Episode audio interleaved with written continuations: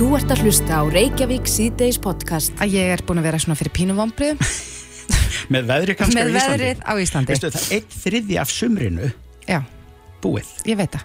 Og, og uh, ég held að hafa verið bara þryggjast að hita eitthvað fyrir norðan núna um daginn. Ég er að fara norður á, á föstudaginn. Ok, Ég ætla að vona innilega að ég fái þessa frábæru norðlensku sól sem að akureyringar groppa sig stundum að jú, jú Það má en, segja það. en sko, mér finnst nefnilega svo fyndið þegar fólk er að segja því að nú er ég búin að fara einu sem til útlanda í sumar Mhm. og þegar fólk er að segja, ha, fara út á sumrin þegar besta veðrið, nei, það er bara alls ekki besta veðrið á sumrin Nei. á Íslandi það er, ég held í alveg að haustin og vorin mér finnst eins og veðrið sé betra á haustin og vorin Já, veist það, mér fannst mæ dásamlegu mánuður. Já. April var líka bara ekkit svo slæmur ef ég mann Nei, rétt. smá kaldur, ég menna að þú veist, mæ var kaldur en hann var dásamlegur. Já. og ég held að september, mér finnst eiginlega það alltaf veginn bara besti mánuðurinn á Íslandi. En ég er náttúrulega mjög forvitin og þú líka að vita hvernig júli verður. Já, Siggi Stormur Já, það- hann, það er engin betri en Siggi Stormur til að segja okkur það. En hann allavega sagði uh, í samtali hér við fjölmjöla að síðasta helgi hafi náttúrulega verið skelvileg Mhm. Siggi er á línunni, kom til sætt Blessaður, Já, komið þið sælablasir, komið þið sælablasir. getur þú lofað okkur góðum júli og það má, þú, þú bara verður að gera það Já, sálartettir þið bara í húfi. Má segja það? sko, hérna, jú, sko, já, þetta er, þetta er svolítið, sko, það eru er eru nokkra aðferðið sem maður notar svona við að spá í þetta og fyrst og fremst er það nú reyndar uh, þessar svo kallu tíðarfarsspári eða, ve eða veður lagsspári eins og við vilja kalla það. Sem eru svona fólk verður náttúrulega átt að sjá því að þá er verið að reyna að átt að sjá tíðar fara yfir, yfir, yfir 30 daga eða eitthvað svoleiði sko. Já, og uh, sko það sem Júni gaf okkur ef við erum aðeins bökkum bara örstuðt sko.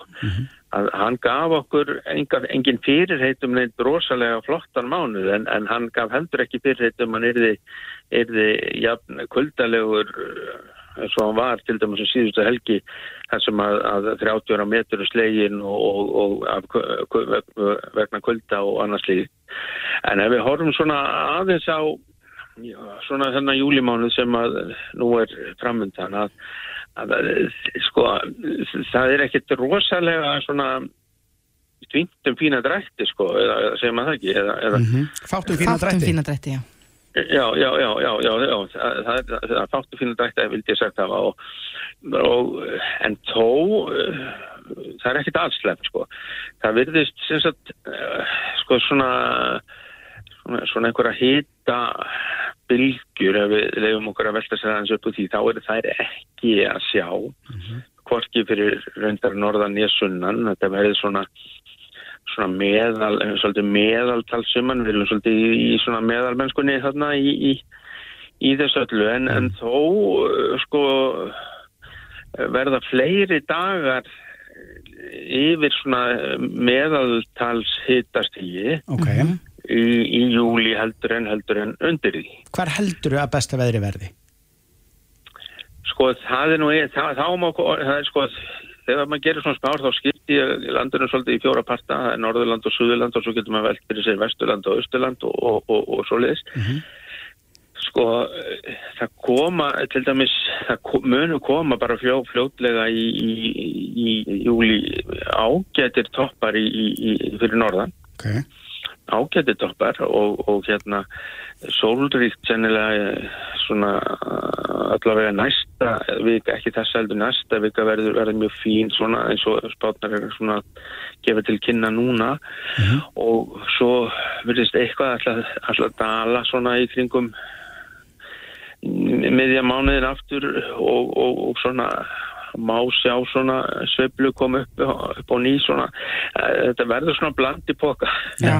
En, en Siggi, nú síðustu sömur hafa verið rosalega góð við uh, fólk fyrir austan Ég er alltaf Já. svona svolítið pyrruð út í fólk fyrir austan finnst þér þá bara sangjart og heldur þessi ykkur Já, já, ég veit það ekki, þú veist, er þetta að fara að vera aftur svona? Nú er ég bara bráðum að fara dætt í sömarfrí og mér langar bara að vita hvert á ég að keira Æ, verður bara í vinnu það er bara í vinnunni.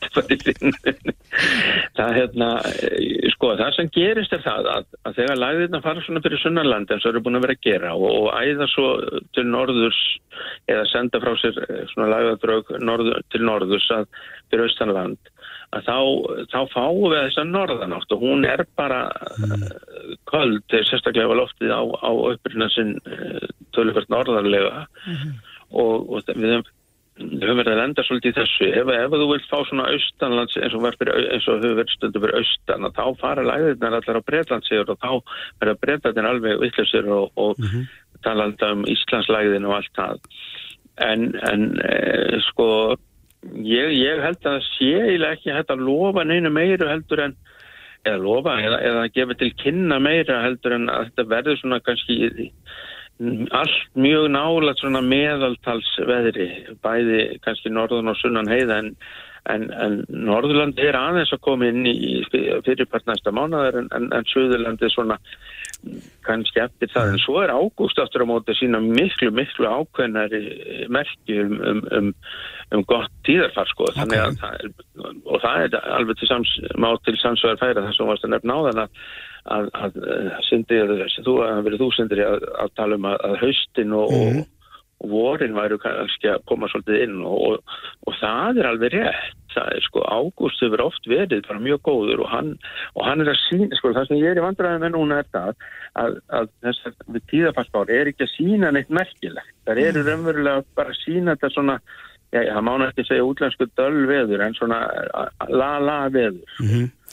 En, en, en, en svo snýst þetta við sko, þegar það er að koma í ágúst þá komum við sterkari merki inn í þessa tíðafarsbár um, um sínandi við okay. og betra við En Siggi, hvar, hvert ætlað þú og hvenar? Ganski bara best að elda þig Sko það hérna eh, sko ef ég væri velja mig til dæmis núna um helgin þá myndi ég velja Suðurlandi alveg klárlega okay. þess að hýttingi hætti farið fyrir 17-18 gráður í, í svona tildala sólríku veðri mm -hmm.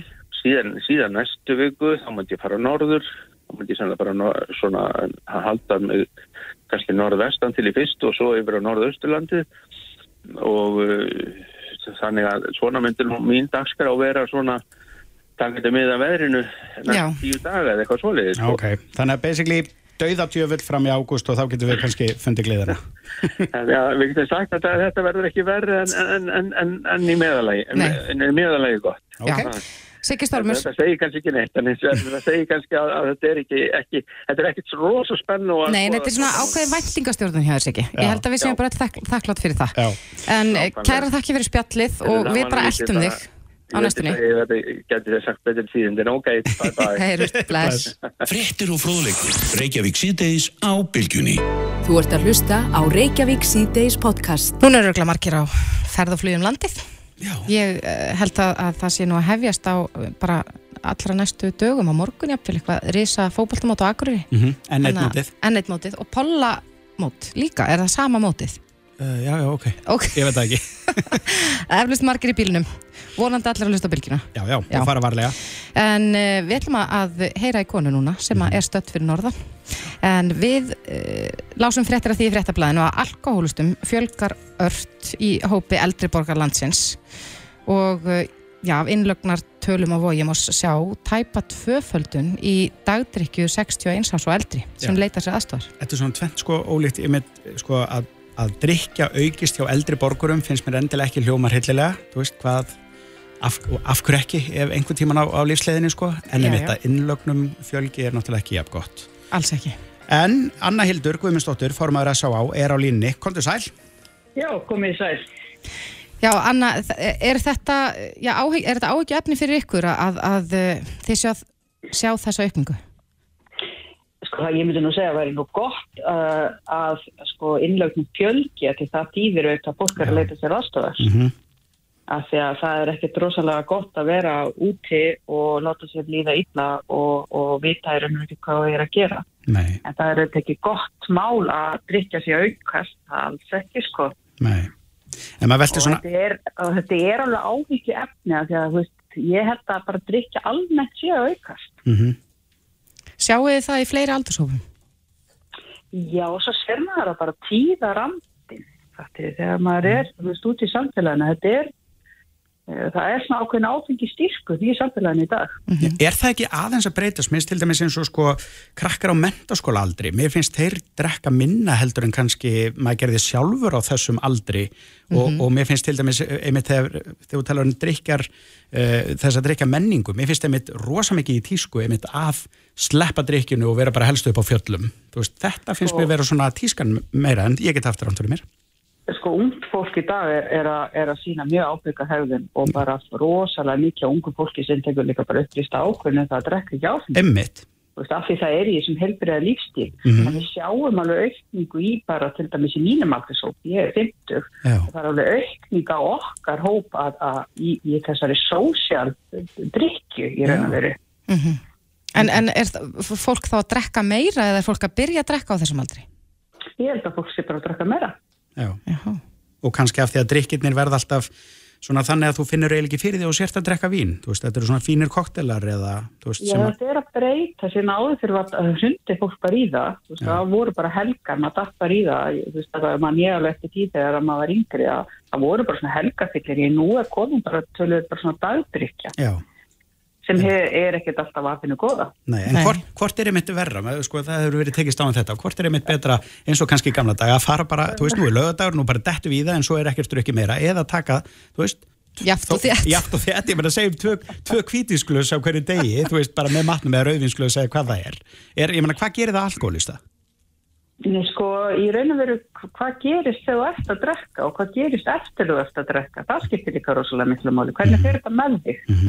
Og það er ekkit endilega betra að þið hugsið um það að vera alltaf eitthvað smá í því. Það er ekkit rosalega gott. af því að Það tekur náttúrulega ákveðin tíma fyrir líkamann að vinna úr þessu. Sem þýðir að, að kerfið þitt er alltaf undir. Af því þetta hefur svo mikil áhrif á líkam starfseminna. Þannig að við vinnum alltaf öðru þessu úr hlutunum. Er það eitthvað betra heldur en kannski bara dettið á fastundskvöldið eða. Akkurat, en, en ég svona velti fyrir mér, finnið þið fyrir að fleiri er að leita til ykkar, já, út af Já. kannski svona einhverju smá sölli? Á meðan Já, að þetta var kannski bara- áður fólk sem að, að ég drakk mikið og sjaldnar.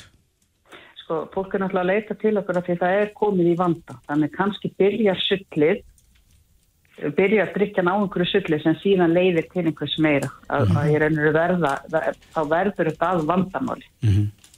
Ég velti aðeins, eh, manns, Af því það kemur, það, í rauninu kemur enginn til nema að eiga við vandamál og stríða.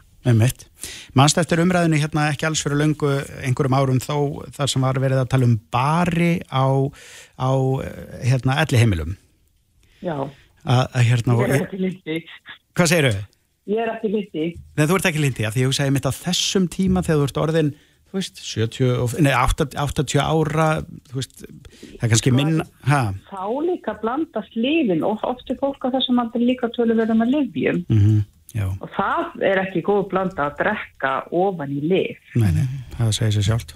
Þannig að það og, og sákoktið þótt leiðir til alls konar ástand. Það er ekki gott. Þú dettur eða það kemur eitthvað fyrir þig eða þú manst ekki hvað varst að gera og En er þá, áfengisneisla í hófi, já. í hófi er ekkert að slæma, myndi ég segja, Mhm. en, en, en, en, en sídrykja og, og, og ofneisla, það er ekki að þinnu góða, sko. einmitt, það segir sér sjálft, en, en er þá ekki sko framtíðin svona nokkuð björt í svona ljósi þess að, að þetta er meira vandamál meðal, meðal þeirra sem eru eldri heldur en einmitt yngri kynnslóðurina sem er að velja sér frekar einmitt hérna heilbreyðari lífstíl? Jú, það er rosa gott, en, en auðvitað, auðvitað væri best að þessum hætti myndi ekki, eða þú veist, þurfa að leita sér aðstofan, en það er gott að við höfum þá allavega í bóði aðstof, þannig að fólk geti leita sér aðstofan, það er að henni góða. Algjörlega. En Anna, Það er ekki alltaf. eh, hvað veldur því að, að þið sjáuð aukningu á þessu? Er, er hægt að greina það eitthvað hvers vegna þeir sem eldri eru farnir að drekka meira? Sko ég myndi segja, þú veist, kannski er það það sem gerist þegar fólk, uh, við erum að eldast og, og, og þegar við kannski hættum að vinna og svo leiðis og þá náttúrulega, þá fara þessar hömlur. Af Því að við þurfum náttúrulega að standa okkur í vinnu, við, við erum með okkur ramma, en svo þegar rammin fer, og þá kemur stjórnleysi kannski í ljós. Og þá, þá, þá er ekkert vinnan sem stoppa mann eða, veist, ég þarf að mæti vinnun og klokkan átta í fyrirmál, þú veist, og þetta þannig að þá er einum að vera í svona stjórnaðri nýstlu, eða sem er svona veit alveg, ég held að fólk veit alveg, þú veist, ok, ég, ég má ekki drekka beirin þetta því þá get ég ekki gert þetta. Þannig að eitt leiðir af öðru í raun og veru held ég. Já. En, en hafið þið áhyggjur af þróun út af því að þú talaður um hérna áðan að það væri kannski orðið meira svona já, samfélagslega viðurkent að drekka og fólk skálar við öll mm, tilefni og jafnvel oft í viku Uh, hafið þið áhyggjur af þessari þróun? Já, ég myndi segja það. ég, já, ég myndi segja það. Við höfum áhyggjur af þessu. Og hvað er hægt að gera í þessu? Kannski þurfti bara að vera í tísku að drekka ekki. eins og er verið aðgættir fyrir af því að líka fyrirmyndirnar eru orðnar þú veist eins og fyrir unga fólki menna, Jón Jónsson og bara þessar, þessar stjörnur hafa valið þennan lífstíl Já, bara fullt af þessu segi, fullt af ungu fólki sem tekur bara upplýstar ákvæðanu vegna kannski kannski er einhver alkoholism í fjölskyldinni kannski hafa þau séð ákveðna hluti eða kannski bara einmitt vilja sko temja sér heilbreyði og það er heilbreyði að drekka ekki mm ég segja. Er einhver munur, finnur einhvern mun á að þú eins og talar um, um að þeir sem eldri eru, þetta er meira vandamál þar núna eða það allavega lítur þann út en, en eins og á milli kynja? Já, sko, konur eru oft með meira falda neyslu þannig að þær leita sér kannski síðar að, já, síðar, síður aðstofar en þetta er alveg jafnt og, og, og, og konur ég held að sé kannski tengt þessar ábyrðartilfinningu í okkur einhvern veginn að, að hérna, okkur finnst oft erfitt að leita, leita okkur aðstofar kallar, eh, kallmenn eru með einhvern veginn alltaf bara, þú veist, þau bara aðeins í meðferð og færi bara í meðferð konur oft kannski þurfa að hugsa eitthvað og svo eru kannski þær með meiri öðruvísi verkefna sínum höndum þannig að Já. það kannski hliður ákveðinu verkum og einhvern veginn Mhm. þannig að það er oft erfiðara fyrir konur að lyfta aðstofar En er, eitthvað- ég meina, er, er þetta ekki svolítið eh, að fjara út að það sé eitthvað skömm að því að viðurkenna áfengisvanda?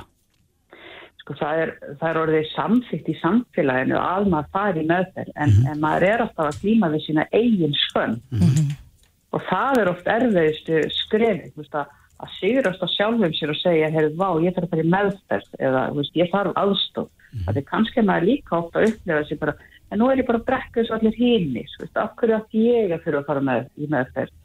Þannig að, að, að, að þetta- er svo erfitt innra með manni. Þannig að að taka ákverðununa getur verið tölverið eða svona svolítið löngfæðing en þegar maður tekur hana þá, þá er rosalega margt gott í bóði. Akkurat. En Anna Hildur, það er nú bara uh, vika síðan að þú varst endurkjörun formaður S.A.A. Já, það er Hvert, hvert er brínasta verkefnið svona á að næstunni? Ná, ná nýjum samningum við, við sjúkratryggingar. Það er svona brínasta verkefni okkar að ná he, nýjum heldar samningum við sjúkratryggingar. Ertu bjart svona að Og svo það muni ganga vel? Já, mjög svo. Ég, við erum bara í góðu samtali við þau og ég er bara trall að trúa því.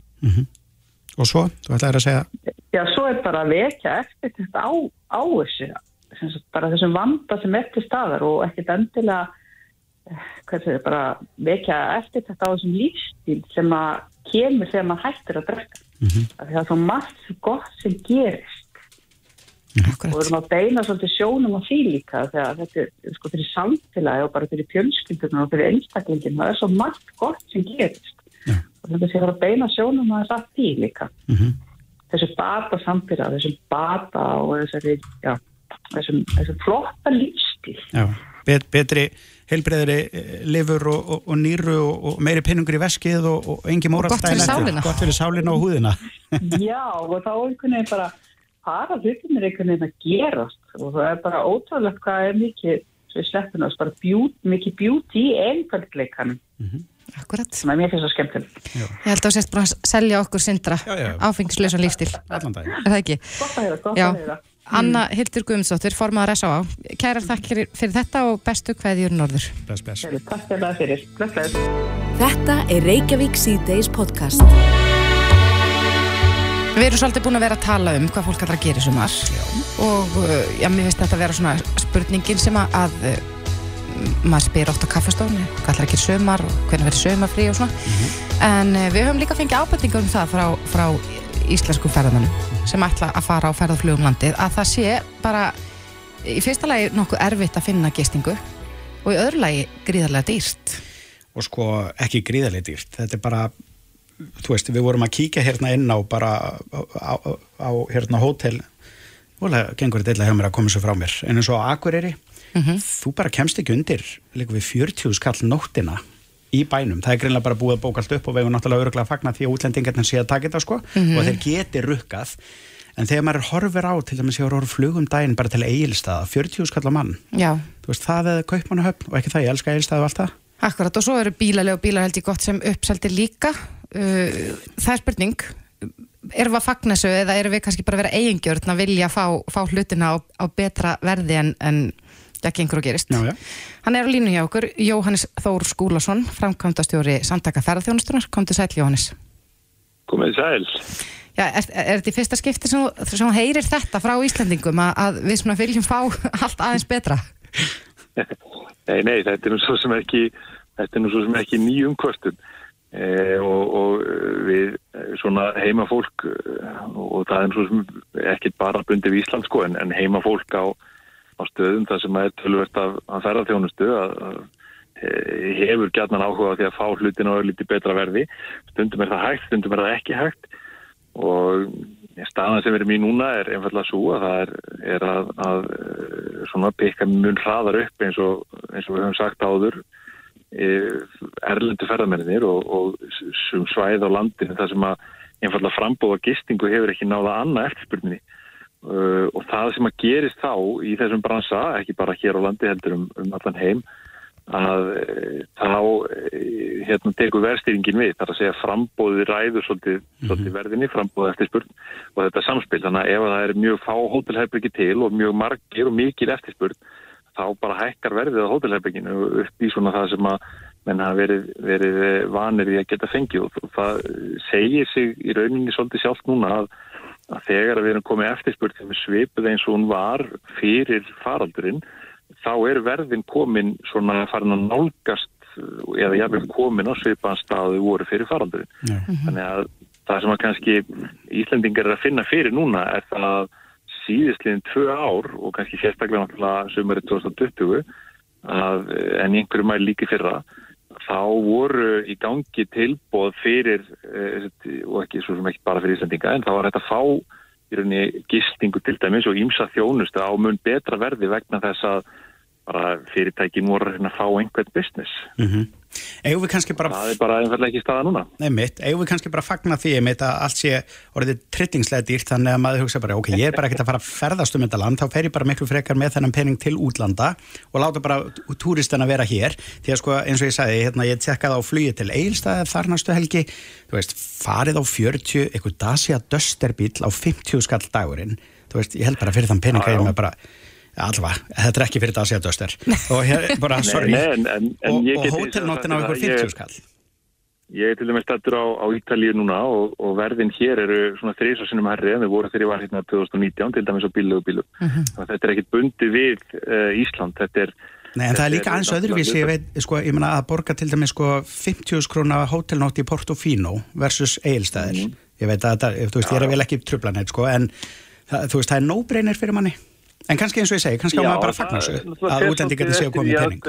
Þeir svolítið eftir í aðgverju út að leita. Við náttúrulega í bransanum erum mjög ána með það útlendingarnir sé að fara að koma með pening að það sem gerist þá er það að, að eh, fyrirtækin fá tekjur og geta komið sér upp úr þessum öðrudal sem það hafa verið ívonandi og það það að við getum haft eh, þjónustu og lífskeiði sem við erum vörna að, að búa við út um alland og geta ferðast um alland og fengið þessa þjónustu.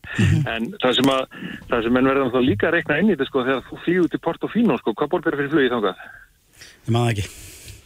Nei, þú náttúrulega reiknar það ekki inn í sko þegar þú kaupir ykistinguna. Nei, nei, en það er aftur á móti, ég meina þú borgar minna fyrir, til kaupmannahafnar heldur, heldur, en, heldur en þetta til jú. Egilstaðir, sko. En, en eins og ég já, segi, þetta er svo, maður er svo tóran í þessu, þetta er náttúrulega auðvitað viljum við penningin í landi, en þetta er náttúrulega bara að gera jú. það verkum að við Íslendingar ferðumst kannski minna nema, nema þú þólir tjaldið.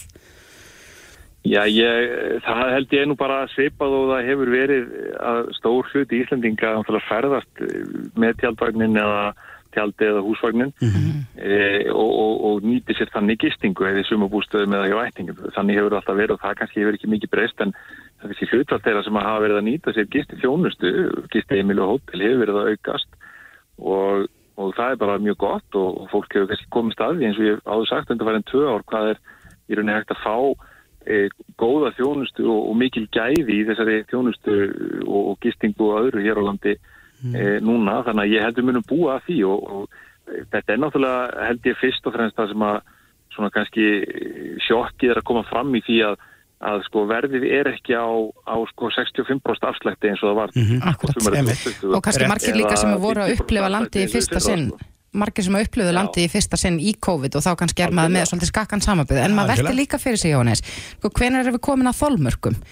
Hvenar munu sko, ferðamennir hægt að láta bjóða sér það að, að fá rándýr hótelherbyggi og, og dasja döstur á, á heiminu hafa verði og tók meira sér eftir því að, að til dæmis ef við myndum ætla að skella okkur á Viki Mýrdal um helgina það bara er ekki löst neinstæðar Nei, nei, það er þeir sem bóka mest mjög, ætla að bóka mjög stuttum fyrirvar núna, þeir munu lendi vandræðum í sumar. Um, varandi bílulegu verðin, þá er það náttúrulega bara þannig um alla Evrópu uh, að, að flutningskeðjan á til dæmis varastum með bíla og framleiðslu staðan er bara þannig að bílegur fá ekki bíla og þess vegna er verðin svona há og, bara ég minni aftur á þetta með frambóð og, eftirspurning já. ástæðan fyrir því að að fyrirtækin voru að bjóða alla þessa afslætti 2020 og 2021 var bara það að frambóði var svo miklu, miklu, miklu meira en eftirspurning. Þannig að þetta er nú bara svona kannski eh, ekkert, ekkert ólíkt því sem búast mátti við. Nei, nei. En, en hins vegar þá má líka benda á það að sko við Íslandingar erum uh, mjög duglega að vilja svona reyna að kresta niður verðið svolítið innanlands og finnst hlutirnir oft svolítið dýrir innanlands. En við erum hins vegar duglegust í rauninni allra þjóða að eða penningum við fyrir til útlanda. Þá erum við ekki mikið að horfa í skildingin þegar við förum í ferðalag, þá viljum við gera vel við okkur. Við sáum það líka þegar að, hérna undir færið tvö ára að það hefur haldist þannig að hver Íslandingur eigðir rauninni miklu meiri peningum í útlandum heldur en hver ferðanáður eigðir á Íslandi sko. Já. Já, já, enda kannski meira sérstakt. fyrir mann að fara út heldur en Já, kannski eða hérna það heima. er að hverju þú ert að, að, þú ert að leita Já, það er hægt að fá alveg En- ótrúlega ræfundir upplifan eins og held ég margir komist að Já, algjörlega. e, hér heima á Íslandi Mm. En ég hjó eftir einu sem hún sagði sko þjónustu stíið, ertu á því að það sé herra þjónustu stig á hótelum hér og í ferðarþjónustunni heldur en í útlandum? E, það finnur bara svolítið eftir í hvert þú ert að fara Já, og hvað þú ert En- að kaupa en hvað meintirðu En- þá með en- þessu? Já, það, það sem ég meina er að, að það sem fólk, ég allavega mjög margir í kringum mig og ég hef heilt frá mjög mörgum öðrum að það er mitt að fólki sem að e, fólk sem var mjög mikið búið að ferðast í útlöndum og ferðast síðan á Íslandi undanfærin tvö ár það e, komst að því að Íslensk ferðarþjónusta er ekki lengur bara hambúrgarinn í staðaskála Nei, Já, það er og svona, með allri virðingu fyrir honum sko. Já. en, Já, já. Hérna, hann stendur fyrir Já, sínu en, en hins vegar þá er, er hægt að- Góður á það er heim. að fara á gott veitingahús nánast í hverjum einasta smábæ það er hægt að fá góða gistingu sem hægt er að vera stoltur af að selja og, og ánæða með að kaupa nánast í hverjum einasta bæ og gistiheimilum við um land og í sveitum þannig að aðþreyingu, frábær aðþreyingu og, og hérna með, með, með reyndu fólki Já. Þannig að það er svona kannski það sem ég var að meina fólk Já. svona uh, Ég sérstaklega sammála þér varðandi veitingastað. allavega svona í kringum mig að, að það sem að er í bóði á Íslandi það er bara ekkert af síðri gæðum og, og ég vil bara meiri gæðum eins og þess maturinn heldur en á mörgum stöðum þar sem að við erum að fara spennendis Akkurat, en uh, kannski rétt í lokin Jóhannes og ég veit ert í frí og ætla kannski að fara að njóta þess að vera bara á Ítalju en uh, uh, erum við, erum við bara mjög bjart sín fyrir þetta sömar? Er, erum við að sjá allar þessar bjart sínustu spár rætast? Varandi komu ferðamann hingað? Já, ég held að ég held að við verðum að segja já sko varðandi eftirspurnina varðandi það hvað margir hafa áhuga á að koma til Íslands eh, hvað áfangastæðurinn hefur haldið gildi sínu í samkeppni við aðra áfangastæði í heiminum þá held ég að við hljótum að vera bara mjög ánægð og mjög bjartin fyrir þetta sumar. En það eru hins vegar bara eins og þið eru svona líka að velta aðeins upp sem er alveg rétt og við höfum talað um áður að það eru ákveðin vandamál á frambóðsliðinni bæði varandi manneklu frambóð á hótelrými, gistrými og ymsu fleiru sem að sem að er bara svona að koma upp svolítið núna. Við eigum erfitt með að anna allir eftirspurninni þegar hún kemur svona hratt tilbaka. Já. Það Já. er þá bara eitthvað sem að við þurfum að vinna í og, og, og ekki síður það, það er en að halda þá uppi og gæðunum sem við viljum að fólk fái þegar það er að borga þessi verð. Algjörlega. Aðeins á lokum, hver ertu á Ítalíu? Ég er stattur núna í pínlillum bæ sem heitir Metato, réttur og við Reggio. Ok. Þá erum við hérna fjöllunum í átt til Capri. Vá, þetta hljóma vel. Það hljómar vel. Í góðu veðri. Við sendum bara bestu kæðir úr suttanum í Reykjavík. Náðan, en Nú. allt í lagi með það. Þetta er Já, að já. koma. Gægjað. Jóhannes Þór Skúlason, frangóndastjóri samtaka ferðþjónstunar. Kæra þakki fyrir þetta. Það er gott. Takk fyrir. Öll viðtölun eru á bylgjan.is og í bylgju appinu. Reykjavík. Þetta er Reykjavík síðdeis podcast. Sumarplanið. Sumarplan Reykjavík síðdeis. Það er komið góður gestur sem segir okkur frá sínu sumarplani. Já, nú er komið að því sem að allir hafa beðið eftir held ég. Það er nýjasti dagskráleðurinn í Reykjavík síðdeis sem heitir bara Sumarplanið. Spennandi. Og uh, já, kannski ástæðan, ég er nú búin að segja frá svo áður en ástæðan fyrir því að, að við ákveðum að hafa það, þennan lið er svona kannski til þess að gefa öðrum hugmyndir og kannski líka sjálfur mér í leðinni. Ég er ekki alveg búin að ákveða hvað ég geri í sumafrínu. Það ekki? Nei, Hvernig, hvernig verða aftur í bara frí? núna eftir þessa viku. Ok, og hvað verður lengi? ég verð alveg í mánuð, Mánuð? fram yfir Vestlunmannahelgi. Ekki mjög company-minded, en allt í lagi. Nei, ég það þarf vist eitthvað að sinna börnum og eitthvað. Hefur þau ekki pappa? Uh, jú, jú, reyndar, mjög góðan pappa. En hún er sest hjá okkur, Ásaninna Pétursdóttir, kom til sæl og blessu. Sæl og blessu, takk fyrir að fá mig. Já, bara takk fyrir að koma. Byrjum á því. Ertu búin að plana sumar þrýð, sumarið? Sko meðan þú varst að tala á hann, þá planaði ég eiginlega sumafríð þitt. Já, ok. Af því að ef því vantar verkefni, þá hef ég nóg að þeim. Já, Handa já. þér í sumar, í garðinu mínum. Ég er ekki með græna fingur, þannig ég held að þú ættir að afþakka það strax. já, já. já, ég, nei, ég sko, e, þetta er kannski svona fyrsta sumari sem ég er ekki með svona eiginleg ferðaplun. Nei. En það nú líka að því að ég var að flytja í nýtt hús. Og nóg að gera í þessu húsi, eða ekki? Jú, og við erum á fulli núna fjölskyldan í frangatum, við keftum þess að æsku setrið okkar, Mhm. æsku setrið mitt og mömmu minnar og hérna uh, á Selfossi, Mhm. algjör draumur, Mhm. hérna, Er, þetta er sannsagt mjög gamalt hús. þetta er rosalega, eða, þetta var, þetta var byggt 1953 Ok. af langaða mínum fyrir ömmu og afa og þarna ólust mamma og sískin hennar upp og ég líka og þetta var selt fyrir hérna, 20 árum rúmlega úr fjölskyldinu og við keftum hann tilbaka, ég og, og maður minn núna í, í, bör, í haust. Þannig að núna er bara alls konar skemmtilegt. Þannig að sum, sumar er einkennast pínleita því að koma okkur fyrir þarna. Já, og þeir eru því bara allsherja framkvæmdum, ekki? Já, svolítið, við erum að, erum að brasa Hvað og- er það að gera? Eh, Við erum að taka allt gólfið í gegn og það var svona smá brast þar af því að gólplatan var eitthvað svona, þess að skjálta náttúrulega, er á Suðurlandinu. Já. þannig að hérna, Suðurlandskjáltin hafi greinlega leikið gólfblötuna grátt Ok. þannig að við þurftum að gera hana Er þá líka verið að taka lagnir og... Já, eitthvað veist- aðeins, já. Já, Við erum já. að gera hérna, en við erum að, gera þetta allt rosalega svona e, rólega og pent, þannig. Getið þið eitthvað gert sjálf? Eða? Já, við erum að reyna að gera nefnilega allt sjálf. Ok, Já. En að það er rosalega gaman, þú veist, við erum alveg bara þegar ég sé við, Já. þá er ég að meina átni. er það ekki? Já. Já, því að hann er... Hann er bara aðeinslegur. Já, það var nákvæmlega spurningi. Já. Hvernig er hann?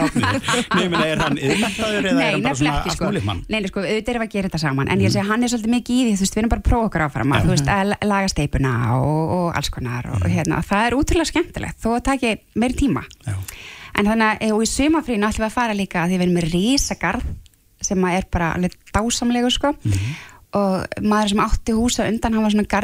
með að þannig að hérna, en við ætlum að taka aðeins til hendinni það líka og gera svona ætlum að gera svona úti eldús og, og hérna Ú. helluleggja og gera eitthvað svona smá ævintýra að reyta hana En geggjað. Já, þannig að samfélagsmiðlarnir mínu núna einkennast svolítið að því að ég er að, að hérna, annarkast út í garði eða í vinnugalanum inni. Heyrðu, Já. þá fæ ég hugmynd. Já, Ef við ekki gera heimsókna þátt.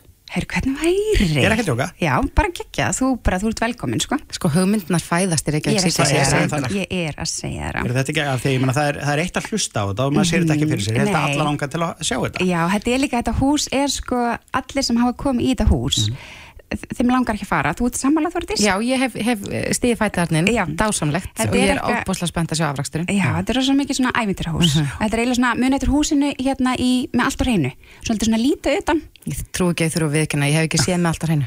Nei, þannig að ég man ekki eftir húsinu. Vá, Ég hef ekki séð myndina. En Stæli Orlof og Jón og Jón og Dóján Bjarnar. jú, ég hef séð það. Ok, Einu sinni. ok, ok, sjúkett. Ja, Allavega, það er svona hús sem er svona lítið utan, smá Og reysa innan. Það er svolítið þetta. Hvað er þetta stort hús? Þetta er uh, 285, eitthvað leiðis, en þetta er svona Frábært, vá. alls konar svona skemmtileg, hérna, skemmtileg svæði. Ok. Þess, það er sólhús, já, og það er svona sólhús með vinnvið, ég er sko með vinnberja trilling í öllu hérna loftinu og sólhúsinu. Vá. Það sem eru bara að fæðast hérna 10 kíló af vinnberjum þessa stundina. Ég skal segja ykkur það. Hvað er þið mörg í fjölskyldu? Þannig að við getum kannski brugga svolítið sindri þegar þú kemur. Þetta er betur. Ha, við, betur. erum, við erum fimm í fjölskyldum. Það má líka alveg vera eitthvað tilbúið, sko. Já, svo er það líka Sindri, ég er ekki sé ekki alveg sindra fyrir mig vera svona að tróða vindur í ykkur fötu. Er. Aldrei að vita. Aldrei að vita. Já, já, já. Þeir eru váinn spennandi, þannig að allt sumari fyrir þetta. Mm, Já, nei, nei, ég ætla nú líka eitthvað. Ég fór í fyrra fór ég í útilegu ein með strákar mínum. Ég á stráka sem eru 14 og og 19 ára. Og ég ætla að gera það aftur. Ég ætla að fara ein með þeim núna. Mm. Hvert ætlaði að fara? Það var sjúklega gaman. Við veitum það ekki alveg. En hérna, síðast fórum við í Húsafell. Og það var bara geggja, þú veist, það var að við leiðum okkur allt, bara hérna Vítos, morgunkotn og Nutella samlokur og grill og gítar og skemmtilegt. Þannig, og svo hérna er maður alltaf þegar maður er þarna það er svo stutt að fara eins og bara í Reykjadalinn í hvergerði Já. og, og svo er ég með eitt svona sem ég langar alveg svakalega mikið að gera sem ég hef aldrei gert, ég hef aldrei farið í landmannalögar mm, dásamlegt að vera þar. Já, ég hef heyrt það, þannig að mér langar svakalega mikið að gera það. Þannig að ef að kærastan minn langar til að koma mér óvart, ég bara segja ég bara koma Já. með hugmynd. Þú veist, ef hann var að hlusta til dæmis að það væri rosa snutt, það langar mér rosa mikið óvænt að ferð þar. Mjög gott, og ef hann stendur sig ekki í þessu þá er alltaf nóga kaurum að núti sem er alveg til í að bjóða þér í svona ferð. Ertu til í að fara með hverjum sem er ásannina? Nei, ekki, ekki hverju sem, hann það vera skemmtilegur. Já. hann Já. eða hún, svo er hann alltaf kótilettan krakkar, Já. hafið ég farið á kótilettan Nei, Nei. heyrðu, veist að ég hef ekki farið en ég var að skoða dagskrána á kótilettunni Já. og ég er bara, ég er smá áfall eftir það. Ég- það eru bara allir listamenn er- landsins. Áfall er nefnilega svolítið það sem ég upplifi líka. Já, að því ég er bara einu svona farið á kótilettan á Selfossi og svo núna eins og allir vita að Selfoss orðið svona hérna Hamptons Íslands núna. Ekki, er sagt jú, jú, ég kan tekja undir það Nýjum tikkar miðbærin. Ég er sko bara, einmitt sama hvað, ég meina hvort það sé Hamptons, ég veit Já. ekki hvort það við sem að ganga aðeins og langt við erum að ganga aðeins og langt, en En það sem að selfisingar hafa staðið sér vel, ég gera sko Alveg. bæinn aðlandi og skemmtilegan. Jésús, þetta er orðið svo fínt. Og er bara fyrirmynd fyrir aðra sko, bæi sem er að pæli að gera meira úr sínu. Líka skemmtilegt sko að segja fyrir því að ég, eftir við fluttum, ég hef ekki hitt vini mína eins oft. Og þá er ég meina vini mína líka sem búa í bænum. Af því að það eru allir alltaf að koma og kíkja í íspíltúra, kíkja í matillina eða kíkja og gista hóteli og eitthvað svona.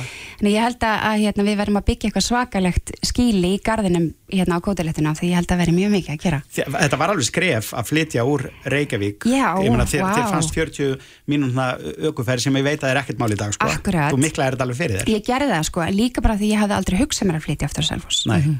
það var ekki, en, en ég sko, þegar ég var tvítug þá sagði ég við mannin sem kefti húsið af fjölskyldinu minni. Ok, ég sagði við hann, mögulega undir áhrifum áfengis það er náttúrulega ég sagði ég skal kaupa þetta af þér þegar þú selur þetta. Og ég stóði við það. Svo mættu hún aftur undir áhrifum, undir áhrifum. Og það hefur bara ekki runnið að mig síðan. Nei, Nei, þannig að það er svolítið planið í sumar. Það liggi í því í vinnviðnum og. Og ég sé þetta svo fyrir mig, þú lýsir, þessu þannig vel að með þetta dásanlegu garður með kvítvinnið og, og vimberum út um allt og ostana og já. þetta hljóma bara mjög vel Svo sko. var maður að finna, þú veist, alls konar upp á hálofti, ég var að finna mér þessa mynd sem mamma teiknaði þegar hún var lítill undir þjölunum og spil frá mömmu. Og lík. og lík sem var nú reynda sorgasaga en hérna alls ekkert Þú ert ekki að beða um að vera aftur með þér Nei, nei, Þórdís. sindri minn, þú ert rekin Nei, en uh, engar auðalansferðir er sko í haust kannski. Já, þá hérna er Hvert á hverju mögulega- uppáhaldsborgin eða staðurinn? Sko, ég get nú að fara að hvað, ég er búin að vera með kæristan minnum í rúmlega þrjú ár Ok. og við höfum ekki farið ennþá saman til útlanda Já, Já. en við eigum batn og hús og já. alls konar já En fyrsta borgin verður borgin ykkar, þú veist að Já, það er alltaf þannig. sko það er París við ætlum, nú- við ætlum að fara í gáðan með jólagjöfinu í París að verða og svo var þarna einhver, einhver faraldur þarna sem kom ég veg fyrir það Mhm. en hérna þannig ég vona að verða jafnvel París eða New York í haust New York. Já, Já, ég er svona svolítið að milli eða bæði, eða bæði betra. Fljóti Parísar, þaðan til New York og svo heim. Akkurat, já, það ekki, já. Mhm, kostar ekki neitt. Viltu koma með? Já, takk.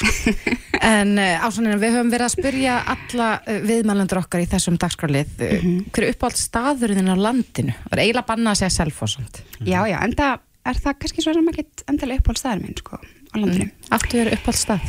um, Svona í fljótu bragði uppáhald staðar minn á landinu. Ég elska Snæfellsnesið. Það er eitthvað við Snæfellsnesið. Eitthvað töfrandi? Já. Já, hellnar finnst mér alveg bara dásamlega, það er eitthvað Snæfellsnesið líka sem að mér stað pínu drungalegt. Það er eitthvað rosalega svona Svolítið um geimverur. Svolítið um þessa gemurur já.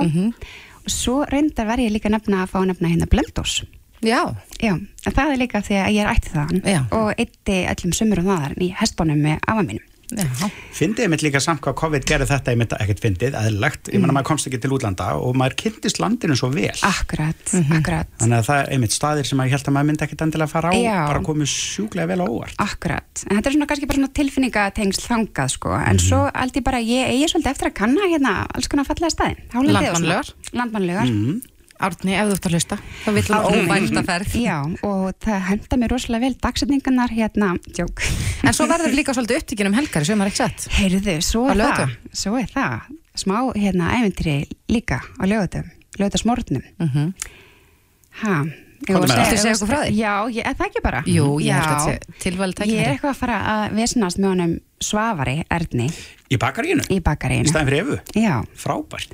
en ég var reyndar að segja að það er frábært, Mhm. en það er líka alveg svolítið challenging held ég að koma hérna Á eftir Evu. Þetta er Já, svona hún er æði líka. svolítið svona eins og að, þú veist, koma upp á svið eftir að Beyoncé er búin að, þú veist, í hérna, Þú trilla ert svo líðin. Kelly Rowland. Svo mæti ég bara, hæ, hvað segir, þið, er ekki allir í stuði? allir svona eitthvað lækka í útverfinu og, nei, nei. Nei, þeir eru svo segi rosa svona. ólíkar sko. Já, Þannig já. að þetta mun hérna, Já, já, verður- og svo þarftu bara, svo þarftu bara að æfa, æfa því að líða pínu illa þegar, þegar Svafa segir eitthvað óviðandi. Já, Ég er hann akkurat. vön því með sindra. Akkurat, ég vil kannski líka bara passa mig sjálf að segja ekkert svakalega ómæðandi.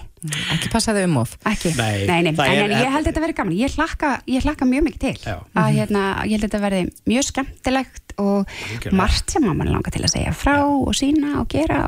Og þetta, þetta er rétt, það sem Þórti segir, passaði ekki, sko, lífi getur ekki orðið þannig að við verðum svo PC og svo leiðilega, að allt verður leiðilega. Nei, nei, nei, nei, Þú veist, nákvæmlega. djókur er ekki sniður, djókur er ekki sniður nema hann sé pínu off. Akkurat. En Ásanina Pétursdóttir, kæra þakki fyrir komuna. Það er greinlegt að vera nóg að gera hjá þér í sumar. Já, það verður skemmtilegt. Og þú verður náttúrulega alltaf með pönnukökur og heitt á konunni þegar maður kemur. Já, það er bara nákvæmlega þannig, sindur minn. Og þegar þú kemur þá skal ég vera með eitthvað kalt í kælinum. Reykjavík síðdeis á Bilginni podcast. Í gær hér í Reykjavík síðdeis vorum við að tala við Baldur Þórhalsson, uh, stjórnmálafræði prófessor við Háskóla Íslands og vorum að tala um að væri svona ákveðin undiralda, uh, svona íhalds undiralda í heiminum og rættum aðeins um hriðjverkin í, í Oslo síðustu helgi í þessu samingi. En uh, nú barst að því að þúsundir hunsuðu viðvarnir lauruglu í Oslo í gær og komu saman við ráðhúsborgarnar til að mótmála ofbeldi gegn hins eginn fólki og til að minnast þeirra sem að létust í hriðjverkárásinni á lögadaginn. En gleðigöngun henni var aflýst. henni var aflýst og ég veit að það var nú, já það var gaggrínt allavega af einhverjum hópi því að maður hefði kannski haldið líka að þetta snerst um einmitt kannski sínileikan fyrst og fremst og, og láta einmitt ekki stoppa sig og sína maður sé ekki hrættur eða hrætt. Já. Uh, en til að uh, ræða um þessi mál eru komin til okkar Björndís Helga Tómasdóttir varaformaður samtakarna 78 og Gunnlegu Bræi Björnsson, formaður hins einn daga í Reykjavík, verið velkomin. Takk fyrir. Takk. Hvernig finnst ykkur að heyra þessar fréttir, Uh, já kannski Gunnlaugur, í beinu spurningum myndi þín út að þú ert nú formar hins einn dag hér á landi, uh, að heyra að uh, göngunni hafi verið aflýst. Er það Sko- skiljanlega ákvörðun? Já, þessir, náttúrulega bara atbyrðinir sem slíkir er náttúrulega bara sláandi ef við byrjum þar og hérna og einhvern veginn búið að taka bara svolítið tíma að reyna að ná utanum bara að þetta hafi raunverulega gest af því að hérna þetta er svo ótrúlega, mann finnst þetta einhvern veginn bara í bakgarðinum sko. Uh, en já, ég hérna þetta er ótrúlega erfið staða sem að skipulegjundur Oslo Pride eru, eru settir í. Þarna að, að þurfa að taka þessa ákvörðun, þarna bara snemma morguns þegar þetta er nýbúið að gerast ágangan að fara eða ekki. Mm Lögreglan segir við getum ekki tryggt öryggi allra. Það er komnar, hérna, komið upp að einstaklingurinn sem að fremur þetta ódæði hefur tengingar við hérna aukahópa þetta, var þetta fyrsta árásins af mörgum sem það eru plönuð eða veist, getum við tryggt öryggi fólks? Þannig ég skil vel að þessi erfiða ákvörðun hafi verið tekin að, að ganga ekki skipulöðum hópi en skil líka mjög vel gaggrínina sem kom á móti því að eins og þið segið það hérna sínileikin hefur kannski, það var aldrei verið meiri þörfa á honum svona síðari árum heldur en akkurat þarna. Þannig að á móti getur maður ekki annað en fagna því að fólk hafi tekið sér saman og gengið og, og bara, já sínt, sínt fram á stolt sitt og, og hérna óttaleysi, svo má segja því að þetta eru samt allir hrættir í, í þessum aðstæðum. Já, maður einmitt eins og þú segir eh, alveg skilnilegt að borgin hafi, ég menna hún var náttúrulega ekki búin að undirbúa þetta og, sá þetta eðlilega ekki fyrir. Nei. þannig að það er alveg skilnilegt að mann hafi hugsað ok, við getum ekki tryggt öryggi. En, en, en, en eins og þú segir, þetta var gaggrínt og menn stigu fram að hugsaðu bara nei, nú er einmitt tíminn, er það ekki til að uh, vera með sínileikan og, og láta vita að við séum ekki hrætt, eða hvað Akkurat, jú, það komu, það komu sannarlega upp, upp þær rættir, sko, hvort þetta hafi verið rétt ákvörðun eða ekki. Og, og upp úr því verður svo með þetta að fólk bara fer samt út á, á götundan bara með, með öðrum hætti. Og hérna, við náttúrulega eigum þetta sér íslenska orð gleðigangan sem að við veist hvar annar staðar er þetta nú bara að kalla Pride Parade eða Pride March og hérna, e, þú veist við höfum svona fókusir á, á gleðina í þessu og ég held að hafi nú kannski ekki verið mikil gleði í þeim göngum sem að fóru þarna um helgina. En sannarlega einmitt bara samstæðan, sínileikin það er hérna, já, mandara sem að við þreytum svo sem ekki á að, að fara yfir, það er það sem skiptir máli í þessu. Og, og, og stundum er reynda að talað um sko, eh, ég menna, réttindum og sérstaklega kannski á Norðurlöndum hefur verið náð. Fordómar er ekkert svo svakalega mik miklir en þeir sögðu með við mig hérna bara rétt fyrir, fyrir viðtalið að já, menn fyndi fyrir því að fordómar væri að aukast. Já, það er sannlega undir alltaf og maður sér það til dæmis eh, í bara kommentarkerfunum uh, fólk er að leifa sér að segja meira en það hefur leift sér áður án þess að fólk bregðist við mm. uh, fleiri fordóma fulla hluti og, og, og, hérna, og ég held að sem er mikilvægt að við bregðastu því ef við leifum fólk ekki að, að gera það, ég veit ekki, ég held ekki endilega að séu fleiri sem að sem að hérna séu á móti hinsegin fólki mm -hmm. en þau eru vissulega sínilegri sem eru það. Já, en á það ekki bara við um komandi kerfið allt, menn leifa sér bara um hvaða málefni sem eru eða hvaða hópa sem er að segja hvað sem er?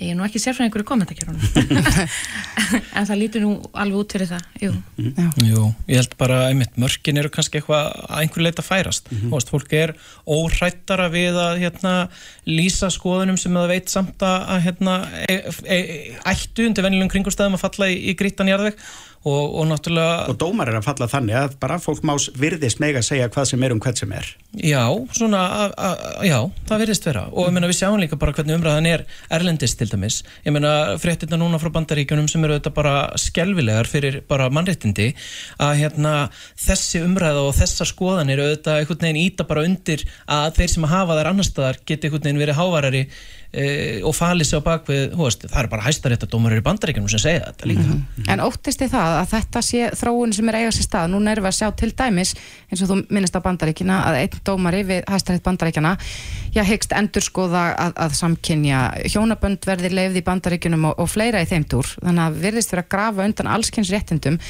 sem að snertir, já, ykkar réttindabartu.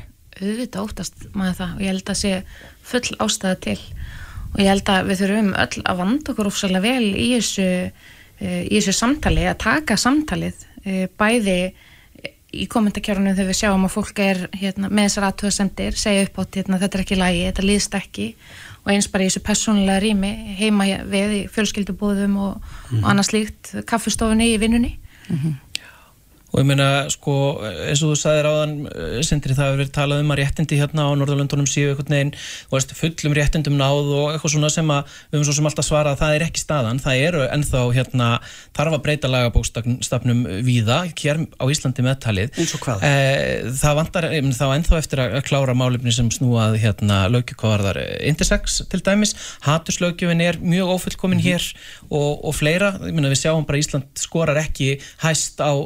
hérna hérna e, regnbóakortinu, það er fyrst og fremst verið að horfa til lagalegra réttinda þannig að við erum ekki, ekki komin á toppin en þá, mm. þó að við höfum nú færst gleðilega áfram núna, en, en það sem við höfum líka alltaf bent á er, ok, jú, við höfum náð mjög langt og við getum sannlega verið glöð með þann árangur sem við höfum náð, en við vitum líka öll réttindi sem við þurfum að berjast fyrir geta svo auðvöldlega verið tekin af okkur aftur mm -hmm. og það er það sem við erum að sjá kannski í bandaríkjunum. Mm -hmm. Fyrst hvað var það núna hérna, sjálfsákurinn rétt hvenna og svo mögulega í framhaldinu réttindi hins eginn fólks og, og annar að hópa sem að hafa svo óskaplega lengi þurfti einhvern veginn að berjast fyrir tilvistinni. Mm -hmm.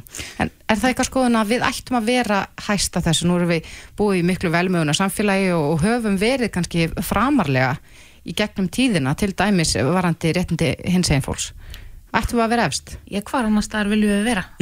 Nákvæmlega. en eh, sko ég veldi aðeins svona fyrir mér, í dag, uh, krakkar sem er að koma út úr skápnum, uh, ég, ég vil svona meina það að mjög mikið vatna verið unnin til sjávar frá því að, frá því að við vorum bara ung, uh, er, er, er ekki alltaf auðveldar og auðveldar fyrir fólk að koma út úr skápnum, hvorsum um ræðir samkynneið, hvað var það samkynneið eða, eða trans, er þetta ekki tilturlega auðveld í dag? Þetta er náttúrulega aðri tímar mm -hmm. við getum ekki búið saman það sem er að gerast í dag og það sem að, hvernig þetta var fyrir 20 eða 40 árum mm -hmm. Ég vil nú meina bara 10 árum 10-15 árum, 15, Já. alveg sammála því en það er alltaf personlegt átæk að koma út úr skápnum en þess að við búum samt í þessu samfélagi sem að gefur okkur ímis svona ur skilaboð allan daginn, þetta er mhm. alltaf átak og það er ólíkt innan fjölskyldna líka eins og fyrir þess að krakka sem eru komið til skáknum mm -hmm. jú, lukkulega, eru vel flest í þeirri stöðu að þeim sé vel tekið mm -hmm. og við erum mjög þakklátt fyrir það og krakkar alltaf verið yngri yngri jú, jú, mm -hmm. líka mhm. en e, það breytir því ekki að það er ekki veruleikin fyrir öll börnin mm -hmm. eða öll sem kom út úr skápnum mm -hmm. þannig að við þurfum alltaf að vera á tánu með þetta en, en eh, nú er ég forvitin að vita út af því að við varst að tala um kommentarkerfina og, og aðtöðasendir sem fólk lætur falla þar eh, heldur þetta hafi áhrif á, á þessa ungu kynsluð að, að já, opna vefmiðla og, og, og lesa slík komment auðvitað hefur það áhrif og við sjáum líka bara samfélagsmiðluna eins og nú nýlega komið upp mál á TikTok sem að bendist sérstaklega að ungu hinsegin fólki þar sem eru að gelta á þau út á götu og, Mhm. og taka upp þannig að þau eru alveg, krakkandir eru að finna fyrir aukna álægi eða áreiti í samfélaginu Mhm. En er það ekki svo, bara svona maður, svo maður gefi líka von þeim sem er að hlusta kannski og er ekki komin út skapnum og vilja það, Mm. er ekki fordómatnir miklu meira, er ekki margir sem koma til ykkur og segja bara, vá, ég held að þetta er því svo brjálæslega erfitt Jú. og svo þegar upp í staði og ég er búin að segja frá að þá voru þetta mín eigin fordómar sem voru vestir en ekki þeirra sem eru það núti. ég held að ég geti sagt og ég held að þið sem eru með mig hérna geti samþýtt það að, að Við erum ekkert alveg því þórtís. en fyrir okkur flest þá hérna, er alltaf léttir að segja sannleikunum sjálfa sig Mhm. alltaf og uh, sama hver viðbröð fjölskyldi eða vina eru þá er sannleikunum að sjálfan hérna, hann frelsamann Mhm. uh, svo ég sé uh, hérna, svona smá væming kannski en samtökinn 78 eru líka alltaf tilstaðar og við erum með ráðgjafa þjónustu uh, ókipis ráðgjafa þjónustu og það er hægt að fara bara inn á vefsíðin okkar og, og, hérna, og panta tíma þar Mhm. þannig að við erum svo sannlega tilstaðar til aðstofa ef þessi þörf Já, en að gleðilegri nótum, gleðigangan, hún fer fram í ár. Já, loksins. Loksins, og það er hérna- þú varst að segja á þann að það væri auðvitað búið að vera alltaf erfitt núna út af því að já, sínileikin skiptir greiðlega miklu máli og við höfum ekki fengið að upplifa já, svona alvöru gleðigöngu núna í tvö ár. Algjörlega og hérna og það er einmitt ótrúlega, ég meina síðan 2019 það er hérna, eh, af því við tölum líka um að það er alltaf að koma hérna einstaklingar af yngri og yngri þegar að koma út úr skápnum sem er mikið fagnaðarefni og þurfur ekki að fela þig einhvern veginn í öll þessi ár sem að margir hafa gert en það þýðir líka að við erum bara með stóran hóp af hinsegin fólki sem hefur komið út á tímabilinu frá 2019 og hefur aldrei geta komið einhvern veginn og gengið eða fylst með, farið með fjölskyldunni og einhvern veginn, einmitt, verið bara sínileg og, og stolt. Þannig að við erum gríðarlega spennt að hérna, verði loksins hins einn dagar aftur í eðlilegri mynd og, og gleðaganga og erum bara á fullu í, í undirbúningi fyrir það. En þetta verður En- tvöfalt eða þrefalt stærra heldur en síðast.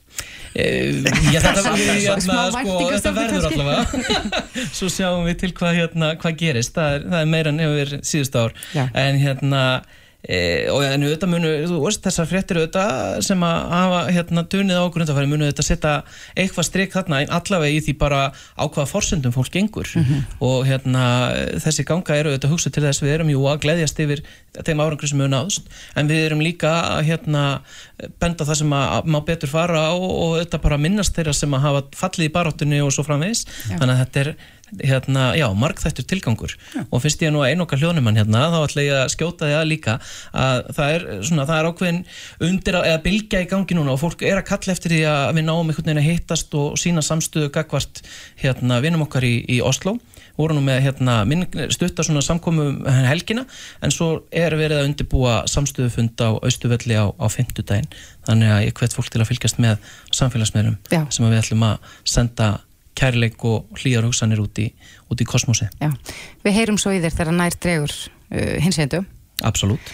Bjartís Helga Tómasdóttir, varaformaður samtakana 78, Gunnlaugur Bræi Björnsson, formaður hins einda í Reykjavík. Kæra þakki fyrir komuna. Takk fyrir. Hlustaðu hvena sem er á Reykjavík C-Days podcast. Ég held að, að uh, þetta verði nú eitt af, einn af sumarsmellum ársins. Ekki spurning, frábært lag og frábært texti. Svo sannarlega. Þarna heyrðu við í Bakalút, hljómsveitinni Bakalút sem var að gefa frá sér þennan nýja sumarsmell. Já, þetta er svona svolítið svona 80s feelingur, Mjög. má segja það. Já, já, já. Hann er sestur hjá okkur, Bræi Valdimar Skúlason sem að, samti ásvand Guðmundi Pálssoni, lægið og textan. Já, einmitt. Kom. Takk, takk, takk. Til hamingju með lagið. Já, það er rosalega gott greinilega að senda út tilkynningu um að þetta sé smellur. Já, þá segjum við bara að þetta sé smellur. Við öpum þetta ykkur.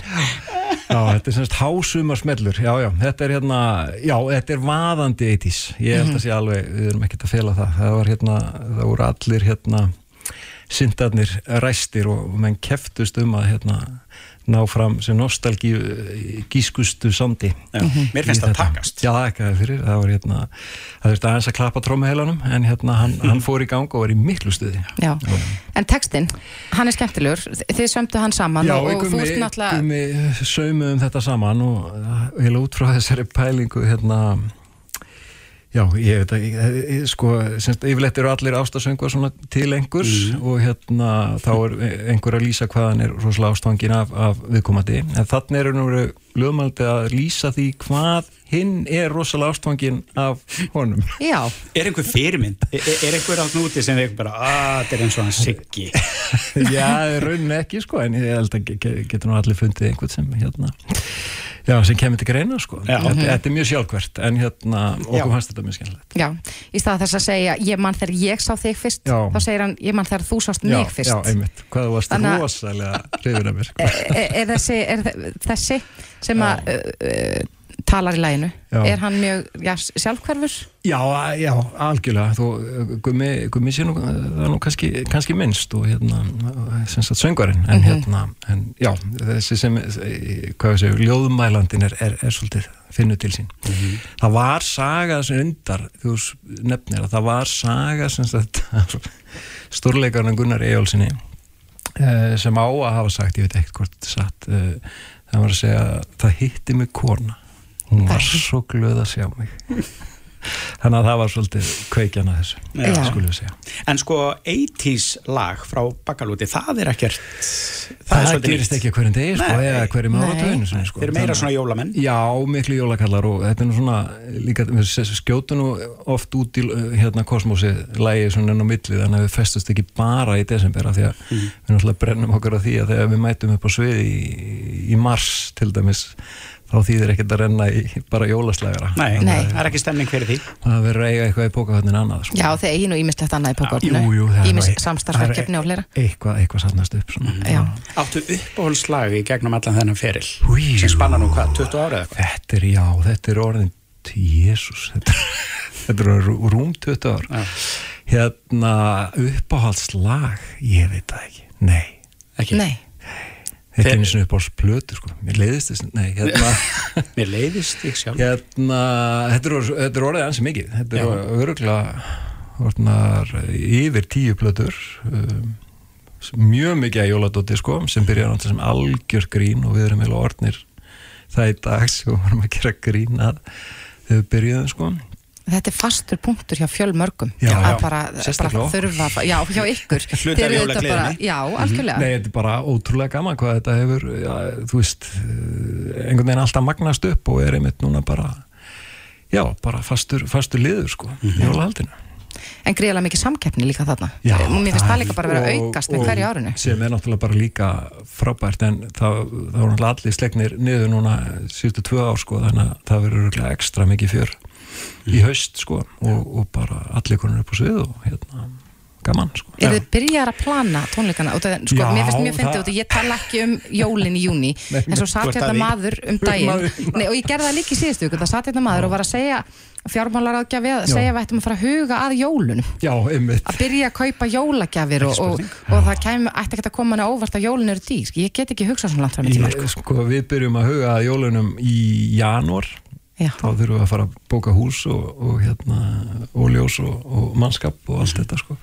Þannig að við, já, við byrjum eiginlega bara að huga jólunum um leið og jólinn klárast. Þannig að þetta verkefni er bara, þetta er ársverkefni. Já, þetta er náttúrulega lang, langstæsta sem við gerum sko, það er alveg, alveg klart mál sko. En eins og sér, er þetta bara eitt smellur eða, eða er verið að undirbúa plötu? Sko við erum búin að vera að væplast við að reyna að gera plötu í smá tíma sko, þannig að þetta er nú kannski bara uppdætturinn að því að, hérna, að það er orðið ansi langt þegar við segja þessu konar marga plötur þá hafa verið svona alls konar hliðaverkefni og svona og kannski svona eiginleg frumsami ný plata hefur ekki komið út í einhver tíu ár sko. Þannig að það er alveg komið tíma Er, er þetta það sem við erum að búast við? Verður meira um, um svona 80s synth tónlist eða, Ég veit eða það, það er allavega búið að gera við alla syndana og þeir virka núna þannig að kannski ja, hendum við bara í eina stutt skífu. Það, er nú líka bara ágætt að það er ekki alltaf að vera, vera tólögu eða eitthvað. Nei, nei, en þú segist ekki eitthvað uppáhaldslagi gegnum ferilinn? Nei, ja, sko pff, það er bara mjög erfið að segja sko. Ég, þetta er svo ólíkt, sumt er einmitt eins og segja jólalög, sumt er alveg bara argasta country og, Mhm.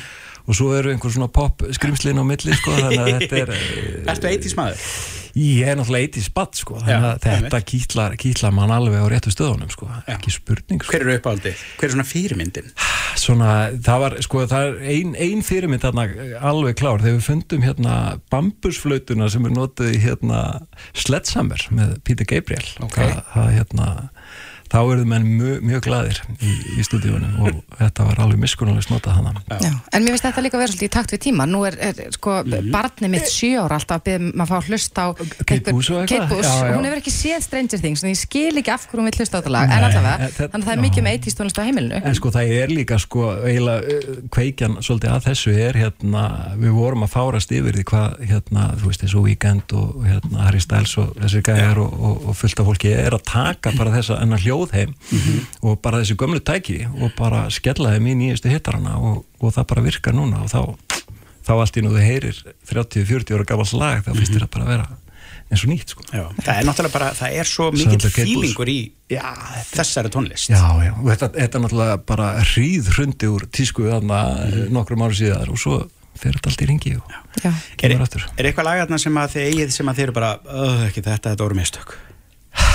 Það eru heilu plötunar. Nei, Tíu Nei talsist. okkur, þetta er, þetta er allt. Sko, ég held um sko, já, bakkalútur er einhvern veginn þannig að ég held að svona, við erum alltaf með frábæran mannskap í kringum okkur uh, og það við, ég verð nú að segja það, sko, við erum alltaf að vanda okkur. Já. Það er, það er aldrei kasta til hönduna sko, það er alveg, ef, ef djókurinn er kallar á það, þá er alveg farið alla leið með það sko, og þannig, já. Já. Er eitthvað lagat núti, eitthvað tónlistislefna eða, e, já, svona af því að þú ert nú svona intellectual maður sem að þú sko skammast þín pínliti fyrir að elska. Ah, sko ég er rosalegu poppari ég, ég get alveg lagst í bara hérna miklar stúdíur á, á hérna á hérna mjög blöðrukendu poppi og, Mm. og þótt það bara mjög gaman. Getur þú nefnt eitthvað dæmi? Já, mér langar svo að heyra Já, bara eitthvað eitt. Bara ég elska, I will always love you. Já, ég, ég talaði um Ólfus Lófi hérna, hérna Dolly Parton. Já, það er mín kona. það er mín kona. Það er hérna það er held ég bara Og þá ein- Kenny Rogers með já, sér? Já, jafnvel, smá Kenny með sko en, en, en bara Dolly sem bara persónulega höfundur og bara persónuleiki það er bara mín, mín manneskjær Snillingur. Já. En við hefum sem sagt að búast við fleiri lögum Já, meiri Dolly eftir þennan hásumarsmell. Bræði Valdimar Skólusson til hamingi með lægið og, og takk kærlega fyrir kominu. Já, bara takk ykkur Reykjavík síðdeis á Bilginni podcast. Nú eru eflaust margir. Já, við vorum nú eitthvað að kvart yfir veðrinu hérna áðan. Uh, Ég held að uh, kylfingar landsins séu nú ekkert eitthvað heiminn lifandi yfir veðrinu sem hefur undarfarið. Ég held að það sem bara alveg sama ef að þú veist, þeir eru bara komnir út á völl og bara sjá fyrir sér að, þú veist, átján hólur framöndan. Já, en ætla það sé ekki skemmtilegar í sól? Ég veit það ekki. Ég veit það ekki. Nei, Spilar þú golf? Nei, ég gerði það ekki. Gerði þú það? Nei, ég er nefnilega sko, ég hef nokkur sem reynd af því mér langar til að langa að spila golf. Mm Mhm. Þetta er smart sport Já. og hérna en svo bara fer ég mitt og þegar ég verið að slá þá er ég búið með 100 kúlur sko á tveimur mínútum eða eitthvað. En þess að mér þetta er bara hægt sport. En ég held að ég hef rangt fyrir mér því að það er bara, veist, það er bara stöðugt fleiri og fleiri sem að sko fara út í þetta og elska þetta. Já, og núna uh, um helgina er, já, ég, mér skilst að þetta sé fjölmennasta golfmót Íslands sögunar. Þetta heitir Gull 24 Open. Mhm. uh, þar sem er ræst út viðstöðlust í 24 tíma Mhm. uh, já, bara í heilan sólring ég veit ekki alveg hvernig það fer fram en við ætlum að komast að því Sem Hann er betur á- fer er einhverju línunni sem Já. veit meira heldur en við um það er hann Birkir Már Birgisson Frankvæntastjóri golfklúbs Keðjabergs, komdu sæl Birkir Sælvæsið. já, þetta golfmót, segð okkur nú aðeins frá því Herri, þetta er mót sem við byrjuðum með fyrra hjá okkur og hérna uh, fengum hugmynd að því að okkur langar svolítið að bara uh, fólk spili meira yfir nóttina og kvöldina á þessu tíma því að þetta er náttúrulega æðislega tími til að spila golf. Og er það því að veðrið er hérna- of betra bara á nóttinu heldur en daginn eða? Það er oft betra bara, Mhm. sko. Það er dettur niður í logn og, og það er bara fugglasöngur og, og dásamlegheit, sko. Samt bjart. Samt bjart, sko. Já, Ég var, að spila sjálfur í, ég var að spila sjálfur í gerkvöldi til nýju og það var bara æðislegt, sko. Já, en ég var nú eitthvað aðeins að, ég er búin að vera rosalega mikið að töðu yfir veðrunu, ég vildi ég væri ekki svo mikil töðari, en, en veðri hefur ekki ekkit, veðri hefur ekkit verið neitt sérstætt. Finnir þið fyrir þessu í þessu sporti? Eh, já og nei, sko. Það hefur, þetta hefur hitt þannig á að, að það hefur ágætt sviður hjá okkur um helgarna sem er náttúrulega stærsti tíminn hjá okkur alltaf og en þú veist það var komið döðu dagar í, döðu dagar svona í byrju vikunar. en uh, þetta mót það er ræst út á klukkutíma fresti uh, og þú sagðir að, að þetta hefði bara verið sett á í fyrra en varðum leið fjölmennasta gólmót söguna, Hva, hvað er að tala um að margir sé að taka þátt í þessu? Eh, Þetta endi ekki nýjum 400 hjá okkur eins og var í fyrra sko, við náttúrulega ræsum út á tíu mínna fresti sko. Já, já, já. Og hérna, en, en við byrjum að ræsa út núna á fyrstu daginn klukkan 2 og, og, og gerum það alveg viðstöðlust þangað til á laugadaginn klukkan 2 og já, í fyrra voru 404 og okkur skilst að það sé algjört heimsmet og hérna og já, og þá bara okkur að keira á þetta aftur núna og núna heitir þetta Guds 24 Open og Ölgerinn er að koma með okkur í þetta og, og það verður bara frábær stemming hérna, það verður fríkt á tjálsvæði hjá okkur hérna og, og, og, gull á tilbúði í skálarum og það verður bara alveg dásaleg stemming hérna sko. Já, þetta hljómar ákveðlega, en er, eitthvað markmið, er eitthvað point með þessu? Nei, alls ekki Nei, sko. bara hafa gaman. bara, bara að hafa gaman sko. Já. og fólk sem spila hérna í fyrra það alveg elska þetta sko. koma inn í golfskálan klukkan 2 á nóttu og, og fá sér einn æris og, og bara spjalla og hafa gaman sko. Já, minnst þú alveg selja þetta þó þú talar ekki um sportið, það er bara gull og æris alveg út í eitt. En það er alveg rétt hjá mér, það gefur manna þetta bara, það- golf verður bara sífælt starra sport og, og ég menna það eru krakkar eru byrjaðir að, að- að stunda þetta bara fimm ára og, og, og alveg upp úr. Já, já, og þetta líka, sko, við erum að finna fyrir, við náttúrulega, náttúrulega COVID ári vorum mjög góð við golfhreyfinguna, það fjölgaði mikið í golfklubunum og, og nú náttúrulega COVID búið, þannig að menn voru ekki alveg vissir hvernig sömari yrði, sko, en, en það var bara svo mikið fjölgun á kilvingum og við finnum alveg fyrir því hérna og það er enda að bætast í klubin hjá okkur. Já, já. Og þetta er ekkert, ég menna í gamla dag var þetta kannski meira kallasport, þetta er náttúrulega bara fyrir fólk á öllum aldru og, og öll kyn og allt það.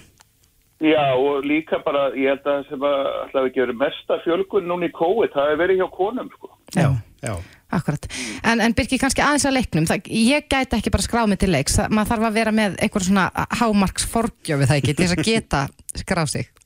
Ja, rauninni ekki, þú er að vera skráð í golfklub. Já, akkurat, sem ég er ekki. Nei, og þú verður ekki vinsæl þarna, endilega er það. Akkurat ég er svo leiðinleg. Nei, af því að, ég menna, ma maður verður að geta eitthvað til að, hérna, fungra í þessu eða ekki. Jó, ég svona, að geta allavega haldið svona þokkalögu leikræða, sko. Það er Mhm. alltaf erfitt að koma alveg óvanur inn á golfvöld Já. en það líka maður að finna það allir svona þeir sem er að byrja í golfið, það er gott að vera ekki álagstímum á golfvöldinum að því að þá finnst, finnst þau ofta að vera fyrir og svona. Já, helduru að einhverju leiti að fólk miklu leita fyrir sér að byrja í þessu vegna þess að það verður svo stressað að mætin á golfvöll og, og vera einmitt ekkert nema bara fyrir. Já, já, það er þannig og maður vandi alveg sjálfur þegar maður byrjaði, sko. þá vandi maður þessar tíma sem að voru ekki svona áana tímaður á vettinum, sko. Já, já. En uh, Birgir er ennþá hægt að skrá sig til leiks? Já, já, það verður hægt að skrá sig alveg fram bara á förstas morgunin og hérna og skráningin gengur alveg ljómandi og hún er svona rauk upp í vikuna það veðrið er alltaf að skána og skána og, og það verður róli heita vindur hérna hjá okkur og sýnist með verið sem að vera sólbjart hérna á, á föstaskvöldi þegar fólk er að stað. Já, þetta hljómar vel. Hver er að Bir- hringja? Já, nákvæmlega, hver er að ringja Birgir? En Birgir Það Már... verður að panta í móti held ég. Já, Birgir Már Birgisson, Frankvæntastjóri Golfklúbs Kiðabergs. Við bara segjum góða skemmtun um helgina. Takk sem leys. Takk fyrir. Bless, bless.